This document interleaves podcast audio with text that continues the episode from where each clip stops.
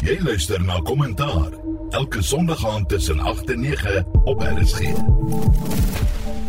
Ja baie dankie en welkom by Kommentaar vanaand. Ons praat vanaand oor Cyril Ramaphosa se bomb squad, die BRICS vergadering en of Putin gaan deel wees daarvan in Suid-Afrika. Ramaphosa se drie belangrike telefoonoproepe die afgelope week en selfs oor hoe om nie 'n beeste te slag nie. My gaste vanaand is die politieke skrywer en joernalis Jan Jan Jouberg. Goeienaand Jan Jan. Goeienaand Susan, goeienaand luisteraars, goeienaand mede-paneellede. Die politieke ontleder Dr. Halen Kloete, navorsingsgenoot van die Departement Openbare Administrasie en Bestuur aan die Universiteit van die Vrye State. Goeienaand Halen. Goeienaand Susan aan al die luisteraars en aan die paneellede. En aan Christian Du Plessis, parlementêre verslaggewer vir Netwerk 24. Goeienaand Christian. Goeienaand Susan en goeienaand aan die luisteraars en die mede-paneellede. Welkom jou eerste keer hierso. Ons sien uit om te hoor wat jy alles dink. My klankregisseur is Jan Daniel Labeskagni en ek is Susan Paxton.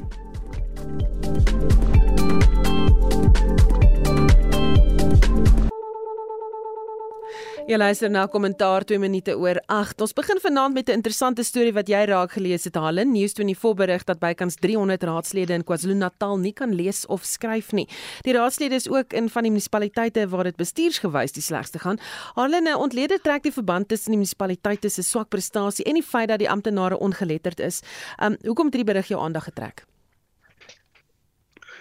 Weet jy vir twee twee redes ek dink nie die berig is heeltemal waar ek dink die die uh uh Salga uh, Kokta het so 2 jaar gelede het hulle navorsing gedoen en een van die vrae wat hulle gevra het was of die raadslede uh bystand nodig het om te lees en te kan skryf.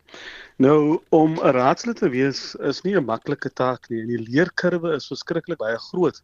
En wat die raadslede toe aangedui het is dat hulle het hulp nodig om op byvoorbeeld wetgewing te lees en te verstaan en te interpreteer. Dink die die die media berig was 'n bietjie skeef deur te sê dat die mense kan nie lees en skryf nie. Van 74 van die uh uh mense wat genagevors is, die populasie Hulle het matriek gehad. En so die onus dink ek is op is op die politieke partye om toe te sien dat die mense wat gekies word of wat hulle self beskikbaar stel om as raadslede te dien dat hierdie mense wel die geskikte vaardighede het. Jy weet die uh, in in Engels praat ons van minimum competencies, die minimale bevoegdhede om raadslid te wees. En so ek dink die berig was 'n bietjie skeef deur deur die verkeerde prentjie uit te, uit te wys dat uh, 300 raadslede kan nie lees en skryf nie. Dit is heeltemal die waarheid nie uh ek ek ek ek wil net daardie punt gemaak het. Hmm.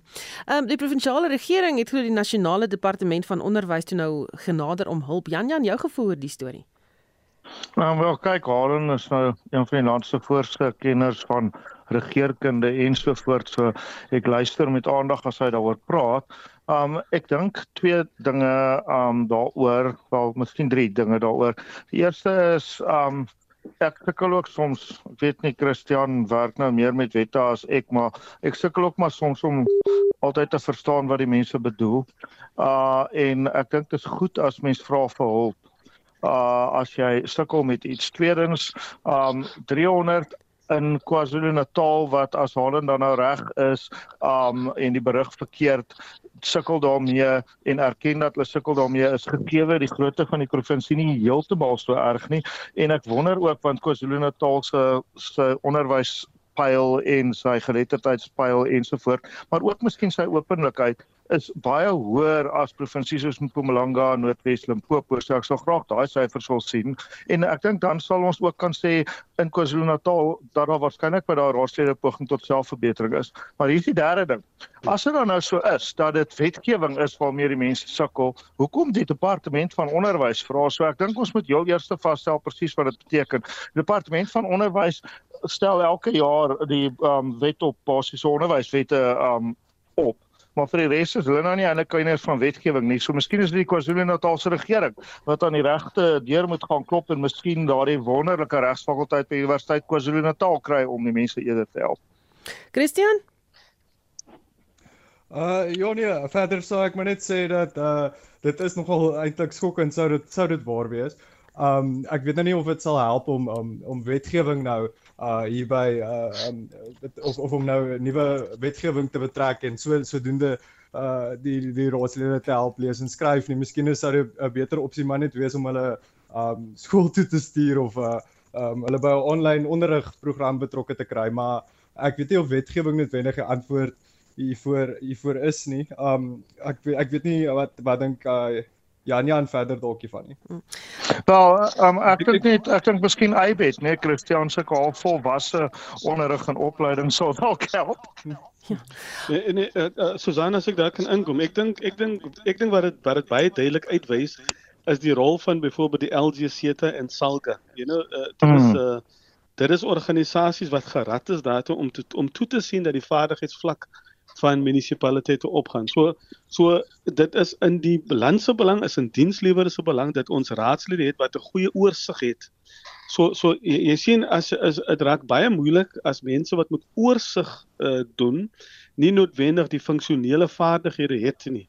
So met ander woorde, almal kan nie noodwendig lees, uh, almal kan nie noodwendig wetgewing lees nie. Uh maar ek moet dan ten minste weet hoe wat om voor te kyk, byvoorbeeld vir finansiële state en dan ook natuurlik die besluitnemingsprosesse binne 'n raad is verskriklik kompleks en is nie is nie is nie so maklik soos 'n soos byvoorbeeld 'n arbeidsklasse nie. En so die funksionele vaardighede wat raadslede moet hê, ek dink dit dit bring dit na die fore want jy kan matriek het en nog steeds nie verstaan nie. En die probleem is die kompleksiteit in besluitneming is dat dit vat jou minstens so 3 tot 4 jaar om te verstaan wat gaan nou eintlik hier aan. En net soos jy verstaan wat jy aangaan, dan is die termyn oor. En so die deurlopende opleiding en ontwikkeling van raadslede is van kardinale belang. Vandag een af hoe om finansiële state te lees, die verkrygingsbeleid, hoe om beleid te skryf, hoe om hoe om beleid te interpreteer, hoe om innoverend te dink rondom 'n uh, uh, bestuur in hierdie land op munisipale vlak. Hmm. Uh, terwyl jy nou aan die woord is, Harlan, uh, met ander woorde, kan mens die lyn trek na munisipaliteite wat swak vaar en geletterdheid met ander woorde? Beslis jy funksionele geletterdheid. Soos ek sê hmm. vir 'n munisipaliteit om goed te fungeer, het jy nodig 'n uh, knap raadslede en dan het jy baie knap uh, uh, uitvoerders ook nodig. Mense wat uh, die werk kan doen, die die verko nie die ge, uh, mense wat aangestel is. En so jy het hierdie wisselwerking tussen 'n gemeenskap wat moet wat moet weet wat hulle regte is en dat jy goeie raadslede het wat kan oorsig doen en dan goeie mense wat kan bestuur etiese leierskap op al drie daai vlakke is belangrik. Want as want as as as een uh, uh, van daardie drie komponente gebrekkig is, dan het jy 'n wanbalans in die hele in Engels praat ons van governance, die die die die, die, hele checks and balances in mekaar verantwoordelik hou. Hmm. Goed, ons gaan na die volgende tema toe, maar voor ek dit doen as jy by die huis sit en luister en jy wil saamgesels, jy kan 'n SMS stuur na 45889. Onthou SMS se kos R1.50. Intussen dink mooi voor jy hulle weer vir Jacob Zuma tronk toe stuur. Dit skep die perfekte omstandighede vir 'n onluste storm. So waarskynlik jy Christian en Gert van der Westhuizen in die beeld Saterdag. Dit nadat die konstitusionele hof die departement van korrektiewe dienste se aansoek om verlof tot appel teen 'n uitspraak van die appel of oor Zuma se mediese parol van die hand gewys het. Die appel het verlede jaar in November bevind dat Zuma se mediese parol ongrondwettig was. En eh uh, Christian, Julius Malema, leier van die EFF, het president Cyril Ramaphosa gevra om Zuma kwyt te skeld om herhaling van die onluste in 2021 te verhoed. Is dit 'n moontlikheid dat dit weer kan gebeur? So Malema het nou self gesê dat waarvoor hulle wag is dat um die DKD, die kommissaris van korrektiewe dienste moet nou eers besluit neem gaan hulle nou Jacob Zuma tronk toe stuur wat volgens my um interpretasie van die hofbevel um van die appelhof se hofbevel wat nou gehandhaaf is deur die konstitusionele hof is dit dat Jacob Zuma moet terug tronk toe gaan maar die kommissaris van korrektiewe dienste moet nou besluit vir hoe lank. Omdat uh, Jacob Zuma nou op op mediese parol was en die hof het gesê hy moet dit dalk in ag neem en dan besluit uh hoe lank hy nou nog agter tralies moet deurbring. So wat uh, Malema nou gesê het is um hy het gesê hy moet met die president praat en dan vir hom vra oor 'n moontlike kwytskelding. Maar wat Malema nou gesê het is dat hulle moet nou eers wag vir die DKD um om 'n besluit hieroor te neem. So uh, ek dink is dalk 'n bietjie te vroeg om te begin praat van 'n kwytskelding, maar ek dink dit is dalk iets wat oorweeg moet word. Ek weet baie mense is half skrikkerig vir 'n uh, herhaling van die Julie onluste. Ehm um, Jan Jan Ramaphosa het vroeër die week gesê hy vrees egter nie weer sulke onluste nie. Onluste nie. Oh, um, ek gaan maar in 'n ongemaklike posisie vind dat ek met my vriend uh, Christian gaan verskil hier en dit is dat um, ek dink wel dat as daar bepaal word dat iemand tronk toe moet gaan, kan jy nie afgedreig word deur die moontlikheid van een of ander vorm van onluste of wat ook al nie. Dan jy weet dan met ander woorde as ek nou gevang word vir 'n parkeerkaartjie en ek daag met 'n geweer by die hof op, dan word ek kwytgeskel. Kan nie so werk nie. Jy moet um jy moet op die ouend maar boete doen as jy verkeerd gegaan het en niemand voor die wet nie en ek sien afval meneer um, Zuma is nou 'n mediese toerist in Rusland so wie weet hoe lank dit nou gaan neem. Die punt wat um gemaak is deur die konstitusionele hof soos ek dit verstaan en Christian verstaan dit beter as ek. Ek en hy het Vrydag aan daaroor gestry. Hy was reg, ek was verkeerd. Dit was moeilik. Maar is dat um dat die mediese parol wat hy uitgedien het, die DKD se se kommissaris moet besluit of dit tronkstraf is wat uitgedien is of deel van tronkstraf of dat daar 'n mate van afslag van tronkstraf gaan wees omdat mediese parol eintlik ook 'n vorm van aanhouding behoort te wees. Wat ek nie verstaan nie en dis nie omdat ek nou probeer snaaks wees of 'n punt maak nie, ek verstaan dit nie, is as hy steeds op mediese parol is wat op die aarde maak in Rusland Hoe gebeur dit? Um ek dink waarskynlik dit is vir die regsmense sekere dom vrae. Ek weet gewoon nie wat die antwoord is nie, maar dit lyk net vir my absurd. Hm. Harlan, wat dink jy van uh, kwytskelling? Nee, my my verstaan is is dat as 'n persoon op parol is, kan nie noodwendig die land verlaat. Ek dink die kommissaris sit met 'n met 'n tamaletjie, soos jy nou sê, terwyl die appel in die gang was, het die president, nou die voormalige president, het hy nou ehm um, het hy nou was hy nou op mediese parol of nie of begin ons nou weer want uh, uiteindelik het hy net 2 maande uitgedien voor aardse vrees om kwyt geskeld het. So die so die uh, kommissaris het nou sit met 'n tamaletjie dink ek. Ek dink as jy miskien na die onluste, ek dink ons kan 'n geweer in die kop gehou word om te sê as jy die president nou weer terug gaan tronk, dan gaan ons nog weer onluste hê. Verlede keer was dit 350 mense dood. Uh en so dit kom neer op 'n reg tegniese aspek. Uh, uh het hy nou al die parol uitgedien? Uitgedien uh die mediese uh, die mediese so, so ek ek het nie noodwendig daar reg sê se kennis nie. maar ek dink die moontlikheid bestaan dat hy ingaan kom en hulle kan hom net so goed net vir uh, dan onmiddellik arresteer. Hy meld aan en dan kan die kommissaris hom uh release en en op parol sit op gewone parol so Dis uh, tamaletjie. Ja, maar hmm. ek dink nie ons moet ons is in die regstaat, ons moet die die ons moet die reg hmm. respekteer en nie gunsies maak vir mense nie. Aan die ander kant moet die mense ook humanitêr daarna kyk. Die president, voormalige president is 80. Sal hmm. dit in die land se belang wees om hom nou weer te arresteer, you know, om om om 'n punt te bewys. Uh en dan natuurlik die kriminele element ek dink daar was 'n groot mate van kriminele element ook by daai onluste van 2021 wat nie uit die ag moet neem nie en die koste van daai onluste was 350. Miskien is ons intelligensie beter gerad hierdie keer om dit te verhoed, maar ons moet teen alle koste 'n herhaling van hierdie uh, wetteloosheid uh, sien in hierdie land. Hm. Goed, ons gaan uh, net gou-gou 'n breekie neem en dan gaan ons gou hierdie lyne weer uh, bel en kyk of ons nie daai ekko daar kan uithaal nie. Uh, jy luister na kommentaar net hierna gesels ons verder oor die vragmotors wat so aan die brand gesteek is die afgelope week bly ingeskakel. Jy luister na kommentaar en uh, my gaste vanaand Janja Nieuwberg, Dr. Halen Kloete en dan ons ook vir Christian Du Plessis wat saamgesels. Kom ons kyk of hy lyn so klein bietjie beter is. En uh, ons het voor die, die breek het ons gesels oor uh, Zuma, Jacob Zuma en die feit dat hy dalk weer met terug moet gaan tronk toe. Um en toe het ons ook verwys na die feit dat daar al die geweld was. Halen, miskien kan jy begin die afgelope week se vragmotors wat aan die brand gesteek is en die polisie optrede daarna, maak dit vir jou gerus dat hulle gerad is vir so iets? Dit maak my nie eens vir as ek dink ons het 'n patroon hier met die met die vragmotors en die aanvalle daarop.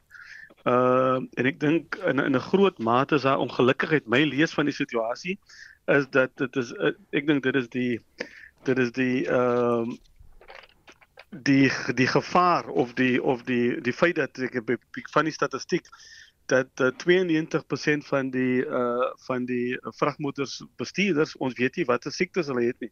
En so hierdie mense werk lang ure. Die ander groot aspek rondom dit is ook die aanstel van buite uh, sogenaamde buitelanders wat onwettig in die land is en die statistiek wys dat as die dat die private sektor buitelanders aanstel dan verminder hulle die koste tot so tot soveel as 60% en so uh ek dink daar daar is ook 'n kriminele element maar ook daar is ook 'n uh, uh regmatigde uh legitimate vraagstukke wat nie wat wat die wat die bedryf kniehalter.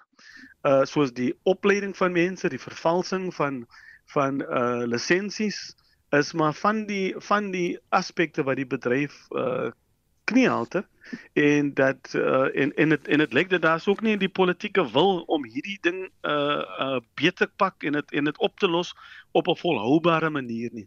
Dit is nou iets wat nou amper die laaste 5 jaar aankom en as jy nou die broken window theory neem dat as jy dit nie onmiddellik aanspreek nie dan dan dan loop dit die gevaar dat dat dit dan norm, normaal raak. You know, dat, so so die, vir die laaste 6 of wat jaar sien ons hierdie aanvalle op vragmotors wat party mense noem ekonomiese sabotasie en en dit moet gestop word. Ehm um, Christian de Weermag is binne dae ontplooi. Gaan uh, dink jy dit is vinniger optrede as 'n vorige keer om iets te verhoed? Dit is beslis vinniger voor ehm um, optrede. Veral as jy nou dink aan die onluste wat gebeur het en ek dink uh, baie mense vrees uh onluste ons weet dat uh die vragmotors met verlede jaar of die jaar voor dit se onluste het dit alles maar begin met die afbrand van vragmotors. So mense is ook versigtig om 'n verband te trek tussen dit wat nou gebeur en die hele storie met uh, oud-president Jacob Zuma wat nou in hegtenis geneem gaan word of of dalk weer tronk tronk toe moet gaan. So mense is maar versigtig om daardie verband te trek, maar so, a, a, net vir in, indien dit nou sal gebeur, is dit 'n goeie skuif dalk 'n voorkomende optrede van uh, die staatse kant af om die weermagte ontplooi en te verseker dat die situasie nie verder uitkring nie. Um dit het baie vinnig uitgekring in 2021. So dit is dit is 'n uh, 'n groot bedrag geld waarvan ons hier praat om die uh, weermag te ontplooi. So die kritici sal nou seker sê dat uh, jy weet jy ontplooi dalk na die weermag vir niks nie, maar ek sal sê ek sal eerder sê uh, ontplooi hulle en maak seker dat hierdie ding nie uitkring nie en kry dit onder beheer uh dat daar nie groter skade is nie. Jan Jan weet is alwen wat agter hierdie onluste sit. Nou, dis die kernvraag is dit nie. En uh, weer eens, soos wat die Sonderkommissie bevind het, is die Staatsveiligheidsagentskap, die SSA wat miljarde rande by van die belastingbetaler kry, vas aan die slaap, vas hmm. aan die wakker, verby die stopstraat gery, weet nie by begin verby gegaan nie, nie R200 ingesamel nie. Hmm. Jy weet en dan elke keer as mense nou vra, nou wat gaan aan? Weet jy nê, nee, ons is eintlik baie goed, maar ons kan nie vir jou sê nie want ons is so geheimsinnig. Ons doen hierdie wonderlike goed, maar as ons wonderlike goed gedoen, dan weet julle dit nie. Wel ek sê nonsens en ek sê leuns en ek sê korrupsie en ek sê dank af wat julle kan en kry tog net vir eenmal iemand wat iets weet van sekuriteit in die ministerstoel daar want wat die SSA doen skry teen hemel dit is 'n absolute skreiende skande dat ons spionasie of inligtingdienste um nie kan sien dat iets wat 2 jaar terug gebeur het dalk net weer kan gebeur nie. Ek meen, wie was wakker daai vergaderings wat hulle toe hulle dink wat is my prioriteite dalk nou vir hierdie jaar? Mag dit dalk wees om te kyk of vragmotors gebrand gaan word in KwaZulu-Natal? So ek dink vir die SSA se deur net twee ander dingetjies. Um ek stem heeltemal saam met Christian dat en en ek sien mense doen dit en ek dink is onverantwoordelik. Waar Christian sê ons moet versigtig wees om 'n verband te trek met um die gebeure van 2 jaar gelede, um dan sal ek sê um absoluut so in die sin van dit mag wees dat dieselfde is, dit mag wees dat dit nie dieselfde is nie, maar die belangrikheid is dat die SSA se mense, al daai verskriklik baie mense wat daar werk en so verskriklik baie geld kry, daai vraag vir ons antwoord. Dis hulle enigste werk. Uh die tweede ding ek stem saam ook dat die weermag se ontplooiing die regte stap is, al kos dit ook heelwat. Jy kan nie die um situasie tans hê op die N3 wat die grootste um, skakel is as gevolg van ons swak spoorlyne tussen Gauteng en die hawens uh, Richards Bay en Durban nie. Um jy kan nie dit hê um en enige risiko daai nie want enige koste van die weermag word in 'n groot mate daardie regverdig en dan net laastens vir luisteraars wat dalk nie weet wat hulle na verwys het met die broken window theory nie. Hulle neem my help as ek verkeerd is, maar ek dink dit verwys na Rudy Giuliani toe hy die ja. burgemeester van New York was, het hy gesê, um die kyk New York het nou as 'n afgryslike toestand daai tyd en hy het gesê dit begin daarby dat jy streng moet wees. So as daar soveel as 'n gebreekte venster in 'n arm gebied is, maak die venster dadelik reg. As daar graffiti op die muur is, haal die graffiti af. Dis hoe jy begin. En die punt daarvan is streng wetstoepassing van die begin af. Niks van hierdie nonsens van oh, ons weet nie regtig wat ongaan nie en ons is besig om daarmee te werk, maar ons kan nie vir hulle sê nie wat ons is te geheimsinnig nie. Doen net die werk, jy weet. Verdien net die geld. Doen net julle werk en kry die land veilig. Ja, so, Susan as ek daar kan inkom, ek is heeltemal seker en my kollegas moet my miskien nou reg help. Ek dink nie die ontplooiing van die weermag Partyke dink ek is baie populisties. You know, dit klink nou baie goed ons het die weermag ingestuur. Dit is wat hier in die Kaapse vlakte gebeur gebeur het hmm. met die met die met die bende geweld. Ons het nodig volhoubare oplossings tot tot tot hierdie probleme. Van hierdie probleme is soos in Engels sê wicked problems. So die hmm. so om die om die weermag in te stuur mag nou baie goed lyk. Hier stap die manne nou met gewere, maar is dit volhoubaar? Hierdie probleme is nie gister nie. Dis 'n 6 7 jaar probleem van die van die bedryf. En die vinger wys ook na die privaat sektor toe in die bedryf in hoe hulle onverantwoordelik is in die aanstelling van mense, die padvaardigheid van voertuie, die die die die risiko's want daar's nie genoeg wetting nie, die mense wat byvoorbeeld lisensies kan koop en dan hierdie groot vragmotors bestuur. En so die statistiek wys dat 'n groot gedeelte van hierdie mense, amper 84% van ongelukke wat gebeur het, is menslike human error en en so hierdie mense werk ook lank ure. Hierdie mense se eetgewoontes en so almal hierdie bestuurders moet byvoorbeeld op 'n uh, jaarlikse basis gewet word of gecheck word. Die die die governance in hierdie sektor en die en die vinger wys dat die privaat sektor wat in myns insiens baie onverantwoordelik is baie maklik om net die vinger na die regering te wys maar die bedryf homself my lees van die situasie is dat die bedryf homself het, het daar is groot groot gebreke wat ook moet aangespreek word Ja. Christian, miskien kan jy hierdie ene antwoord 'n luisteraar wat vra, hoe gaan die weermag dit voorkom hierdie onluste? Presies. Wel, dit dit as net um dit is 'n groot aanvullende mag vir die polisie. So net om meer sigbaarheid op op grondvlakte help klop baie. Um sigbare polisieering is een van die maniere hoe om um openbare geweld in uh bedwang te hou.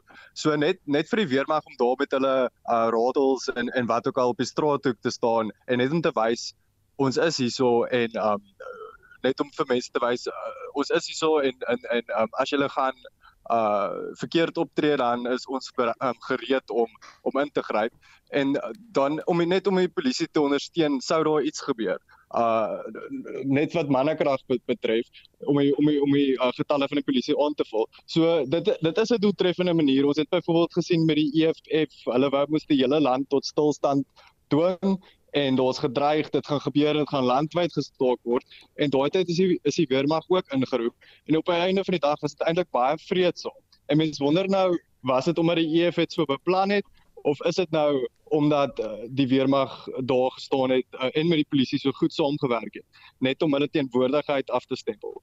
So ek dink om die weermag in te roep Uh ja, dit is baie geld en dit is dalk populisties. Mense kan dit nie vir elke ding begin doen nie want dit, dit is nou al die hoeveelste ontplooiing in in hoeveel jaar. En um ja, maar op die einde van die dag is dit nie 'n volhoubare situasie of oplossing nie, maar ek dink tog dit dit dit speel 'n rol en en dit werk tog. Hmm. Um, ek ek dink um Susan daar's ook miskien 'n geografiese aspek hieraan um verbonde. Um miskien kyk dit het regtig goed gewerk die vorige keer toe die weermag ingegaan het um met die 2021 um onderste en geweld in KwaZulu-Natal die oomblik toe hulle weer mag ontplooi toe raak dit beter. Um ek stem saam met haar in in die sin dat like wat gaan die weermag nou eintlik doen en dis waar hy die um Kaapse voorbeeld gebruik. So miskien is dit sodat die Zulus is banger vir die weermag as wat ons Afrikaanse mense in die Weskaap is, ek weet nie. Ja, dis 'n interessante stelling daai. Ek Um, spot net. daai baie keer gaan dit nou maar net oor die wapentuig en iemand in uniform en die wapens wat hulle het, maar hier's nou nog 'n gesprek aan die gang op SMS lyn en ek ek gaan nou net uh, Marise se SMS lees en dan kan julle dalk daarop reageer. Hoekom kan Zuma nie hier by 'n hospitaal behandeling kry nie? Hoekom gaan almal in die ANC Rusland toe vir medies? Hier wag ons ure by staatshospitale en die rede al die onwettige buitelanders wat by hospitale sit, ek's nie seker daarvan nie. Is haar standpunt ons lei daaronder sê sy. So dan kan Zuma dit ook doen want hier is genoeg dokters sê Marie. So julle reaksie daarop.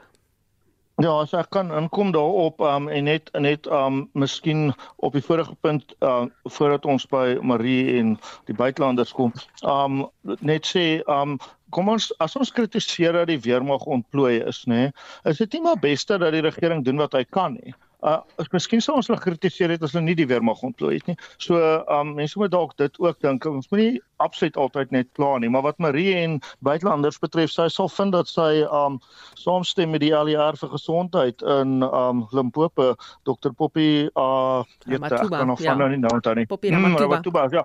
Ja, en sy is nou so in die moeilikheid by daai organisasie wat ons um ook uh later gaan bespreek die menseregte kommissie. So Marie, oppas, oppas as daai mense luister, um sit maar wag voor die mond en kyk na die feite. Uh dis nie 'n kwessie noodwendig altyd daarvan nie. Natuurlik as daar meer buitelanders is, meer pasiënte van buitelands of binnelands, is dit sodat um dat dat daar seker meer werk is in die hospitale, maar daai is nouliks die grootste probleem. En dan wat meneer Zuma betref, ja, um die punt wat ons reeds voorheen gemaak het is nouliks of hy hier of daar behandel word. Die vraag is hoe iemand op parol uit die land uitgelaat word. Ek meen en dit op 'n passasiersvliegtuig en dink aan prof die SSA betrokke was by die lughawe daai dag, weet ons iemand was vas aan die wakker geweest.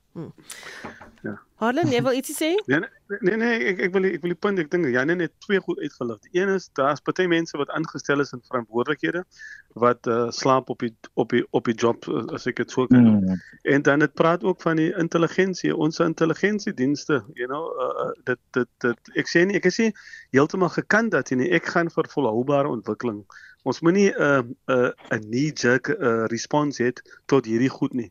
So so dit is baie belangrik dat dat dat dat die misdaadintelligensie saam met die polisie, saam met die weermag uh saamwerk want die want die funksie van die staat is om te stoet te sien dat die burgers veilig voel en dat hulle nie uh onder onder threat is nie.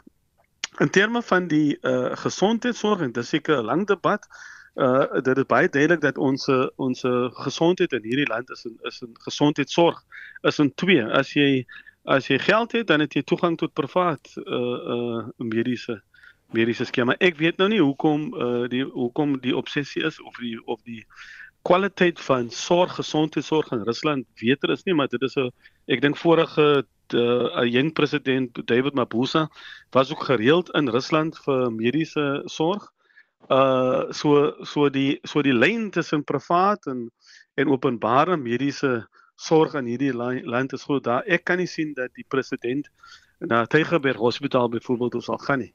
Uh uh en het, en dit dieselfde argument uh, met met die uh, opvoeding byvoorbeeld van mense wat geld het. Uh dis nie asof uh, mense wat geld het in politici se kinders byvoorbeeld skool toe gaan in in openbare nie. Die die die neiging is as mense die wat geld het, het toegang tot beter gesondheidsorg en ook beter uh, opvoeding. Hmm. Goed, kos gaan nou. Ek dink Ja, sorry, kan voor Christian. Ekskuus Susan. Nee, ek sê uh, ek sê dokter Kloete het dalk 'n goeie punt daar uitgewys. Een rede kan dalk wees omdat uh, die voormalige president dalk meer private uh opset uh, mediese sorg wil hê en dit is hoekom hy dalk uh, Rusland toe gaan um om om nou byvoorbeeld by die Medikliniek te behandel uh langs Jan Alleman is is dalk wat hy wil en nie, nie nie dat ek sê dis nie hoe dit moet wees nie maar dit is dalk 'n verduideliking uh waar ons kan bespiegel. Hmm. Ons gaan nou na 'n volgende storie. Die EFF sê hy sou aan die DA se Moonshot Pact deelgeneem het as hulle gevra het. Die leier van die EFF, Julius Malema, het tydens 'n uh, frank dialoog aan verslaggewers gesê dat oppositiepartye ten spyte van hulle verskille saam gaan moet saamstaan. Ehm um, wat maak julle van die EFF se reaksie hier halen?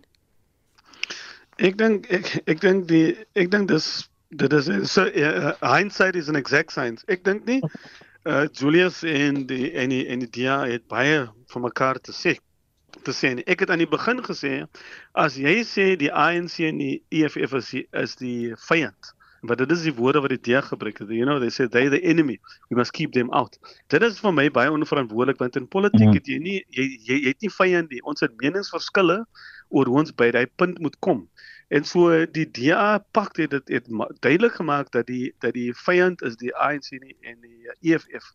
Vandag se Sunday Times berig dat die sekretaris-generaal van die ANC verkies meer uh hy sê dit openlik dat hulle is baie meer uh, genee om saam met die DA te wil saamwerk, die ANC en die DA. Nou dit het ek en Jan Jan het ook al verskil daaroor want dit het ek en hy 2 jaar gelede daaroor gepraat. Hmm. Dat die dat die dat uh, samewerking tussen die ANC en die DA is miskien meer 'n middelgrond gematigder samewerking want die ANC dink ek het baie meer in gemeen met die DA as met die as met die EFF.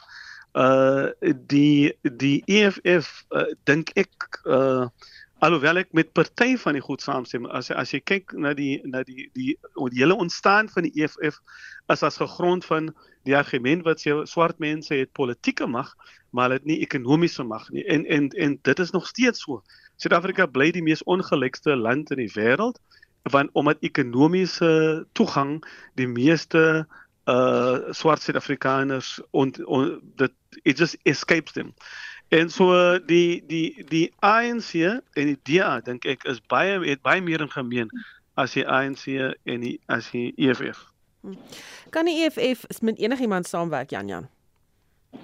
Natuurlik. Um Wyle Marlene van Staden, die burgemeester van Modimolle Mokgopong, die al burgemeester wat ons so so absoluut tragies verloor het onlangs aan um siekte.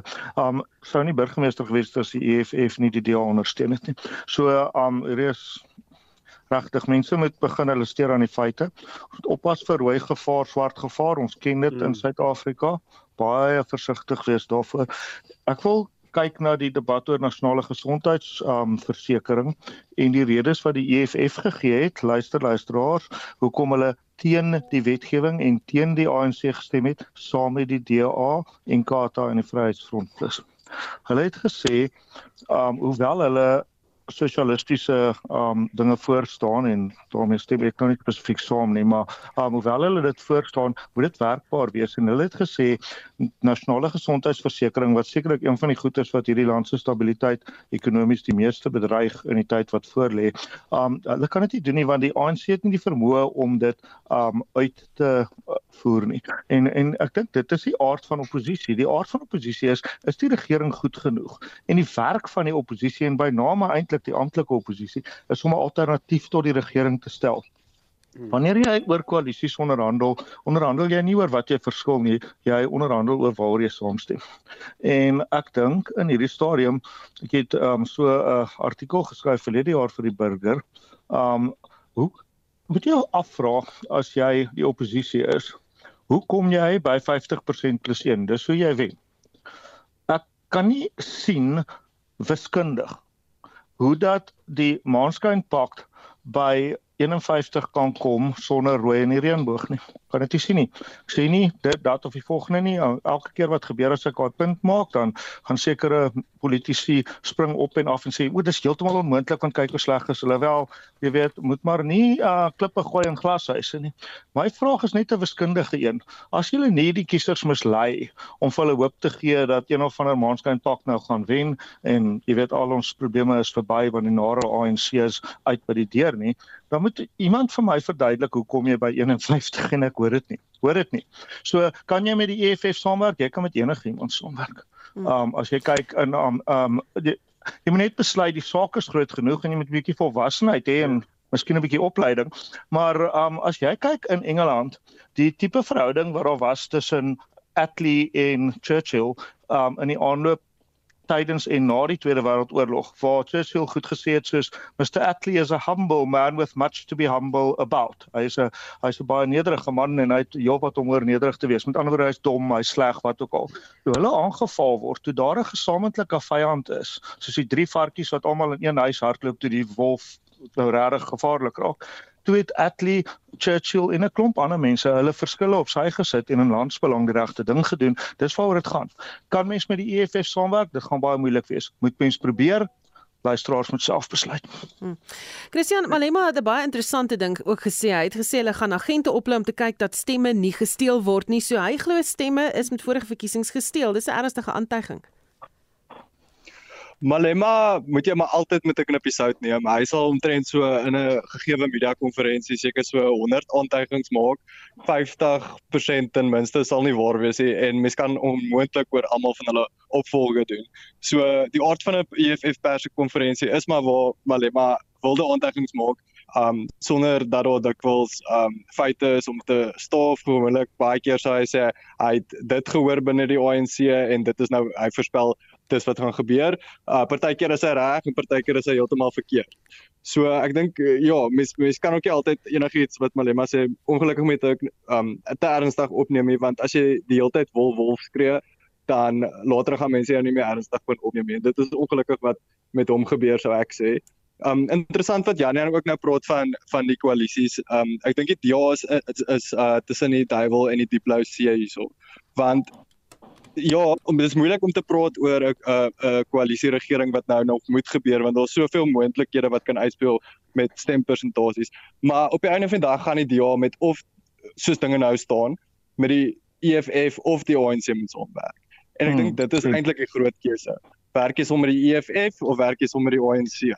En ek weet nie wat wat is eintlik die beter antwoord nie want die DA en die EFF is ideologies baie meer verskillend as wat die DA en die ANC is. So dit is eintlik nou baie interessant en um ja soos Janie nou praat van die Moonshot Pact en um hulle wil nou kiesers opgewonde maak om nou vir die ja te stem want hulle daar's nou 'n kans volgens hulle op hierdie alternatief provinsiaal dalk ja soos in provinsies soos Gauteng was in Natal miskien maar op 'n nasionale vlak gaan hulle baie oortuigwerk moet doen aan kiesers om te hulle te oortuig dat hulle sonder die ANC en die EFF uh, meerderheidskoalisie regering kan vorm. Maar maar ek ek dink as ek Susan ek inkom ek wil ek wil aansluit. Ek dink die politieke volwassenheid ontbreek want as jy so soos ek aan die begin gesê het, sodra jy sê duin is die vyand.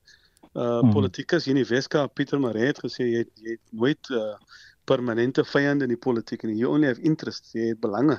En so uh ek dink die politieke partye dit is dit is goed wat hulle nou sê ons wil saamwerk want soos Janjan tereg sê die rol van 'n oppositie is om die regering uit die kussings uit te lig en sê foute uit te wys en te sê om maar, maar om ook om ook patrioties te wees en dit is hoekom ek sodra mense praat van vyande dan maak dit hmm. my ongemaklik. Sodra jy praat van ons weet wat die ons weet die bangmaak taktik van die van die swart gevaar en nou is dit die rooi gevaar. Maar daar is voorbeelde in hierdie land waar die EFF en die DA al saam regeer het al.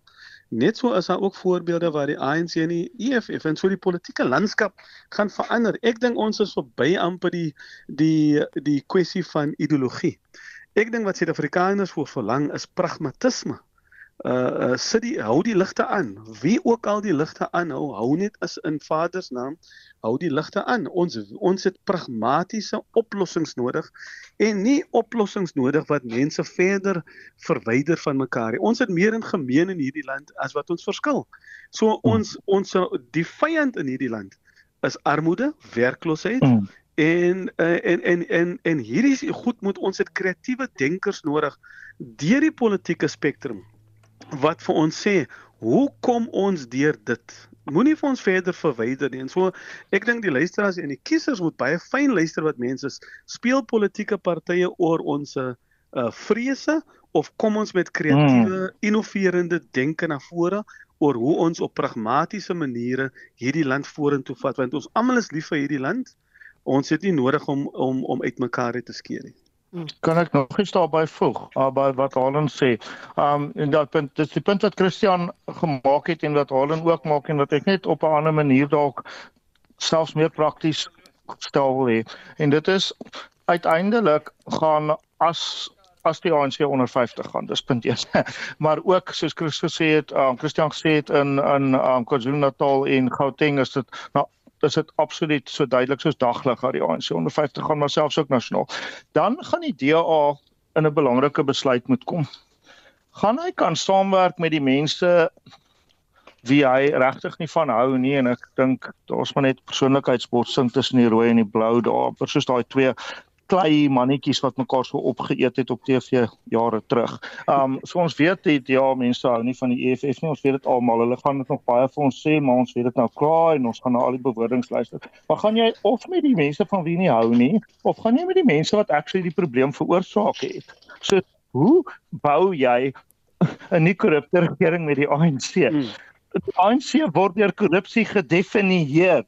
Um daar's geen manier waar in kyk die ANC gaan meer stemme as die DA kry. So as die DA besluit die EFF is nou die big bad red wolf, nê, nee, die een wat nou buite die drie varkies se huis staan en nog bloed bloedrooi is van al die asem intrek en hier kom dit nou. Um as die EFF nou so vreeslik is en ons stem almal saam daarmee, dan gaan ons moet sê dat selfs die DA se mees opportunistiese of positiewe denker gaan nie beweer die DA gaan meer stemme kry as die ANC nie. Beteken as die EFF nou uitgehou moet word en die ANC het genoeg stemme om deel van die koalisie te moet wees sien nou dat die DA nou nie met die EFF gaan saamwerk nie, dan wil ek weet gaan die DA dus nou as 'n minderheidsparty saam met die ANC werk om die EFF uit te hou? Ja. I don't know. Goed, eh, ons gaan met aanbeweeg na die uh, volgende tema toe, maar voor ons dit doen, ek sien Malema is ook in die sop omdat hy beeste laat lei tydens 'n slagtingseremonie by hulle byeenkoms. Ehm um, Christian, jou gedagtes oor dit?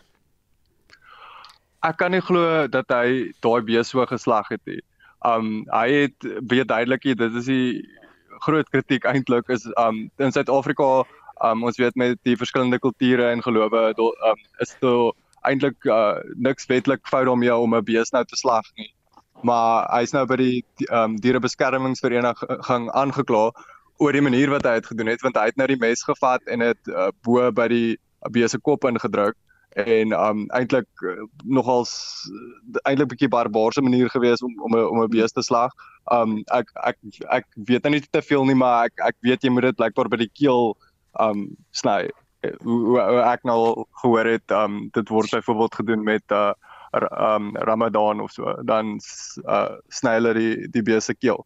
So hy het dit nou heeltemal verkeerd gedoen en uh, ja dit uh, die, die dier het so 'n bietjie het, het gelei en dit ja dis dit dit is nie lekker nie. En hulle het sommer dit op op Twitter geplaas die video ook. Hmm. So daar's ook geen skaamte daarvoor nie. En ek dink verskriklik baie mense is ontstel daaroor. Ja. Maar as jy punt dit nie. Ek meen Chris, jy gaan nie 'n bees slag nie, gaan jy? Ek meen 'n mens moet tog weet wat jy doen. En um ja, nie ek of jy of miskien ek weet nie dokter Kloete of jou merkwaardige kennis oor alles ook met beesslag doen net nie maar as mens nie weet nie. Dit is 'n lewendige ding daai wat jy ja. vernietig en op 'n onmenslike manier. Ja. Goed, kos los dit met Harlan se ja net hier na ons terug. En dit is nou kwart voor 9. Jy luister na kommentaar en my gaste vanaand Jan Jan Joubert, Harlan Kloete, Dr. Harlan Kloete en Christian Du Plessis. En 'n uh, rapport se opskrif van Maposa stuur sy bomskwad na die FSA om die AGOA ooreenkomste te red. Nou die Springbokke se bomskwad kon nie heeltemal die mas opkom dien afgelope naweek nie, maar uh, ek dink dit is 'n goed gestelde opskrif daar in 'n rapport. Ehm um, hy het dit volgens berigte ook baie stil gedoen. Uh Harlan, hoekom die stilte om hierdie sending? Ek dink uh, Suid-Afrika sit, sit sit in 'n baie moeilike uh, posisie. Uh soos die um, Suid-Afrika Rusland soos ek voorheen ook gesê het, Suid-Afrika het 'n uh, het 'n baie sentimentele, emosionele verhouding dink ek met Rusland. Dit, dit is natuurlik histories. Uh hierdie hierdie uh, taakspan wat oorgestuur is is om is om te is om te probeer red uh want uh, Amerika dreig nou dat Suid-Afrika word gesien as as pro-Rusland uh, en en om hierdie African Growth Opportunities Act om hierdie voordele wat die land daar uittrek te probeer be beredder. Uh, Natuurlik later in die jaar sal Kongres daaroor besluit oor of of of hierdie sal aangaan, maar Suid-Afrika trek baie voordeel uit hierdie verhouding met Amerika. En so ek dink dit is 'n poging om dit is 'n diplomatieke poging om te probeer red uh Suid-Afrika word gesien as nie neutraal in hierdie uh, in hierdie oorlog tussen uh, Rusland en Oekraïne nie. En uh ja, dit is dit is 'n poging om om te probeer red dink ek. Janie, wat is die Amerikaanse houding teenoor ons na die hierdie wapenskandaal? Um uh ekskuus nou wat? Na die wapenskandaal amper. Jy weet daar waar hulle die uh, wapens Bedoel jy daar met die bo boot? Ja. Of wat? Ja, jy Ja, mis. ja, hier so in Simonstad, toe hulle daai boot in die geheim reg onder Max de Pre se huis probeer op en af laai voor een van ons voorste joernaliste. Ja. Nee, um Suid-Afrika gaan maar een of ander tyd moet wakker skrik. Um ek dink Susan, ek en uh, ek dink jy was die aanbieder toe ek en Oscar van Heerden daaroor 'n redelike stryd gehad het. En um waar ek nou tereg gewys is vanaand deur Harlan oor 'n argument van 2 jaar terug en deur Christian in verband met die met die Zuma mense, wil ek daarom daar sê dat ek staan by my punt in verband met Oscar en dit is die Engelse uitdrukking you can't have your cake and eat it. Met ander woorde, jy kan nie net alkant aan almal se kant wees as almal baklei nie. Dit werk nie so nie. Uh, goed. So jy moet kant kies. So iets Rusland terloops Suid-Afrikaanse regering wat net vir Rusland luister. Rusland het gesê daar moet kant gekies word in hierdie ding. En soos ek destyds uitgewys het, is Rusland ons 52ste grootste handelsvernoot en die Amerikaners wissel tussen die top 4, daai vier lande, um die EU, um uh, Japan, um uh Duits, ag man, um China en en en uh en die Amerikaners is is die top 4 en hulle half spring rond tussen die vier. So ons moet hier besluit wat is nou ons belange. Um Haaland se punt en meneer Pieter Maree, die pater familias van die Maree dinastie in die Vryheidsfront, um se opinie van um jy het nie vriende nie net belange, reg? So in hierdie geval um het ons aan die begin baie pro Rusland uitgekom wat baie oneties was want hulle het Oekraïne ingeval. Daar was nie 'n oorlog vir hulle nie ingeval het nie. Hulle is die aggressor, hulle is verkeerd. Maar ons het nou hierdie wat hulle noem emosionele verhouding en emosionele verhoudings is nie goeie verhoudings nie. Verhoudings moet gebou word op gedeelde waardes ensovoort in media en in die politiek. So het ons nou, ons nou hierdie kans gevat aan die ANC jeugliga het heerlik Rusland toe gegaan en gesê al daai belaglike referendums in die Oekraïense streke was was wettig. Ons het net gedink Rusland die beste ding uit. En die volgende ding, toe sê die Amerikaners nou ja toe. Ja, jy weet jy have to pay for your dinner. En toe skrik ons ons mors dood asof ons nog nooit daarvan gehoor het nie. So ek meen ons het onsself in moeilikheid gekry hierso. Dis nie dis nie enigiemand behalwe ons en ons ANC regering nie. Maar wat nou lekker is in hierdie sogenaamde bomb squad baie goeie opskrif af uh, die rapport se se nagkantoor uh, Andri Skous en vriende. Ehm um, maar in hierdie bomb squad is dat dit darm nie net die armsalige kabinetslede is nie maar ook van ons grootste sakelei. En twee van die name wat my hoop gee die hoop, naam wat my die grootste hoop gee is uit die Enthoven hy is die ou wat saam met Dr Gloria Robbie die um solidariteitsfonds van die um COVID so mooi aan die gang gehou die privaat sektor sin wat so wonderlike verskil gemaak het. Uit die Enthoven waar hy betrokke is, is sukses altyd 'n goeie kans en dan Rick Menel.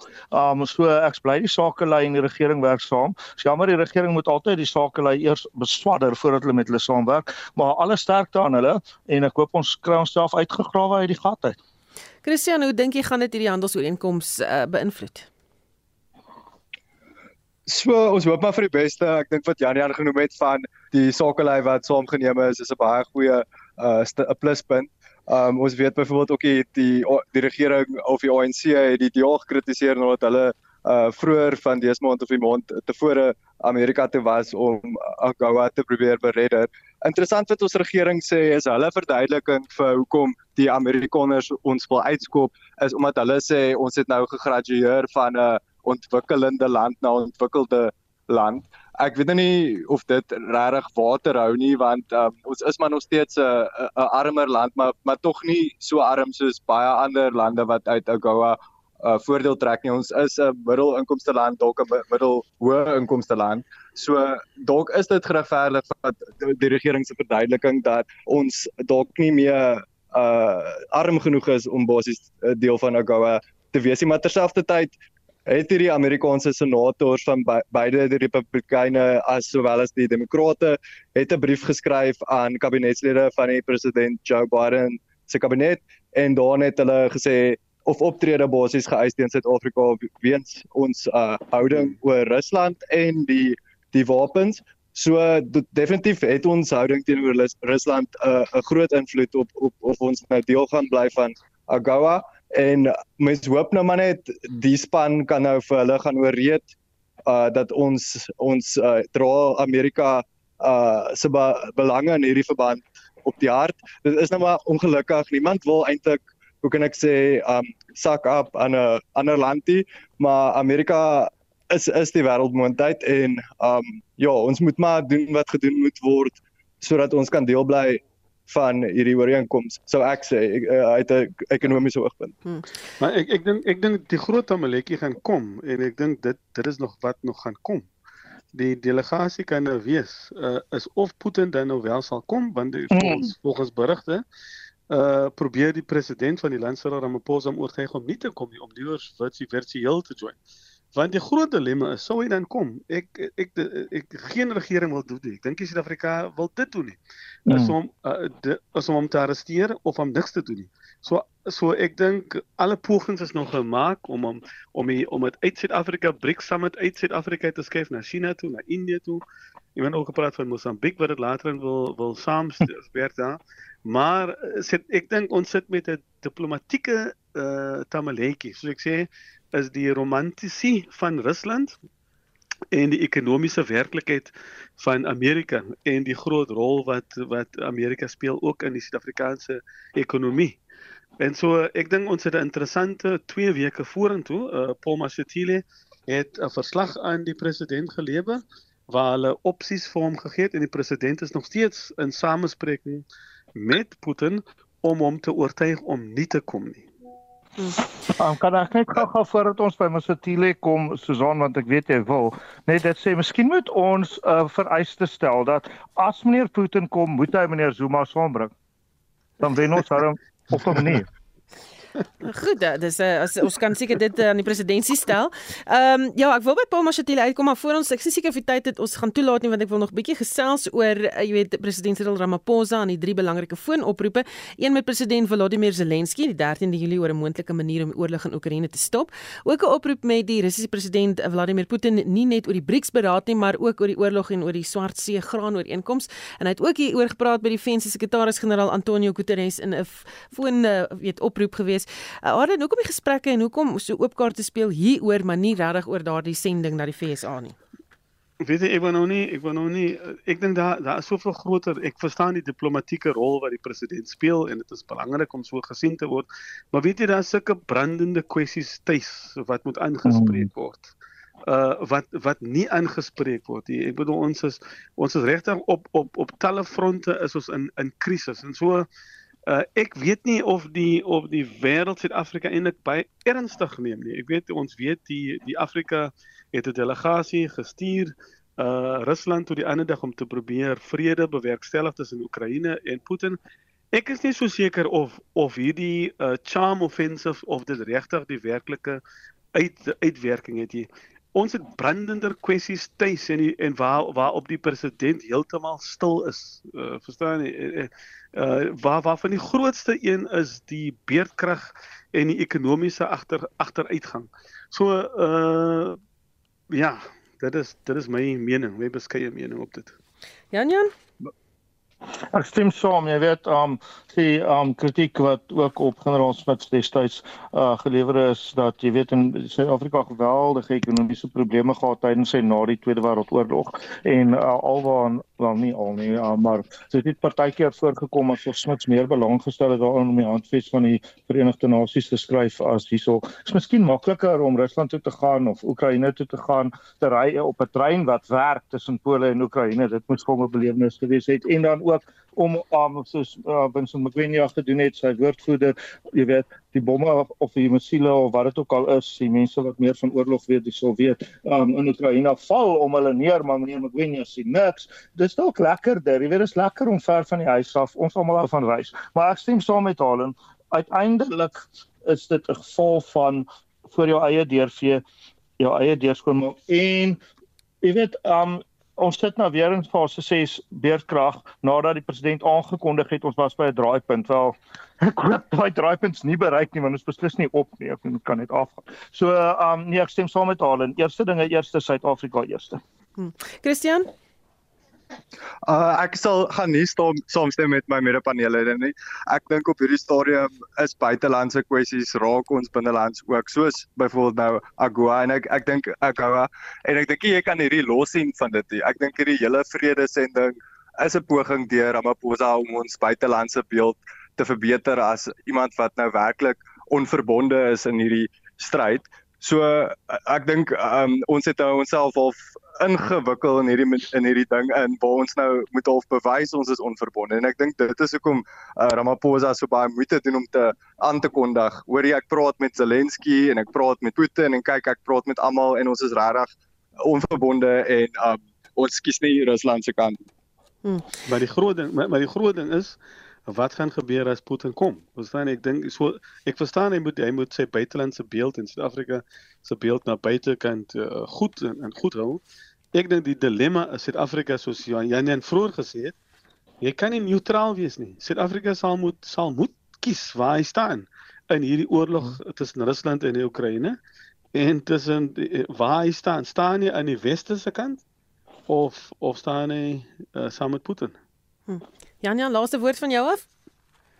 Ja, ehm um, die sangeres uh, Tammy Wynette het gesing Stand by Your Man en ons moet besluit wie ons man is. So, is dit Biden, is dit Putin? Nie een van die twee is baie indrukwekkend nie, maar ek sou sê geld praat en ons moet staan by Biden.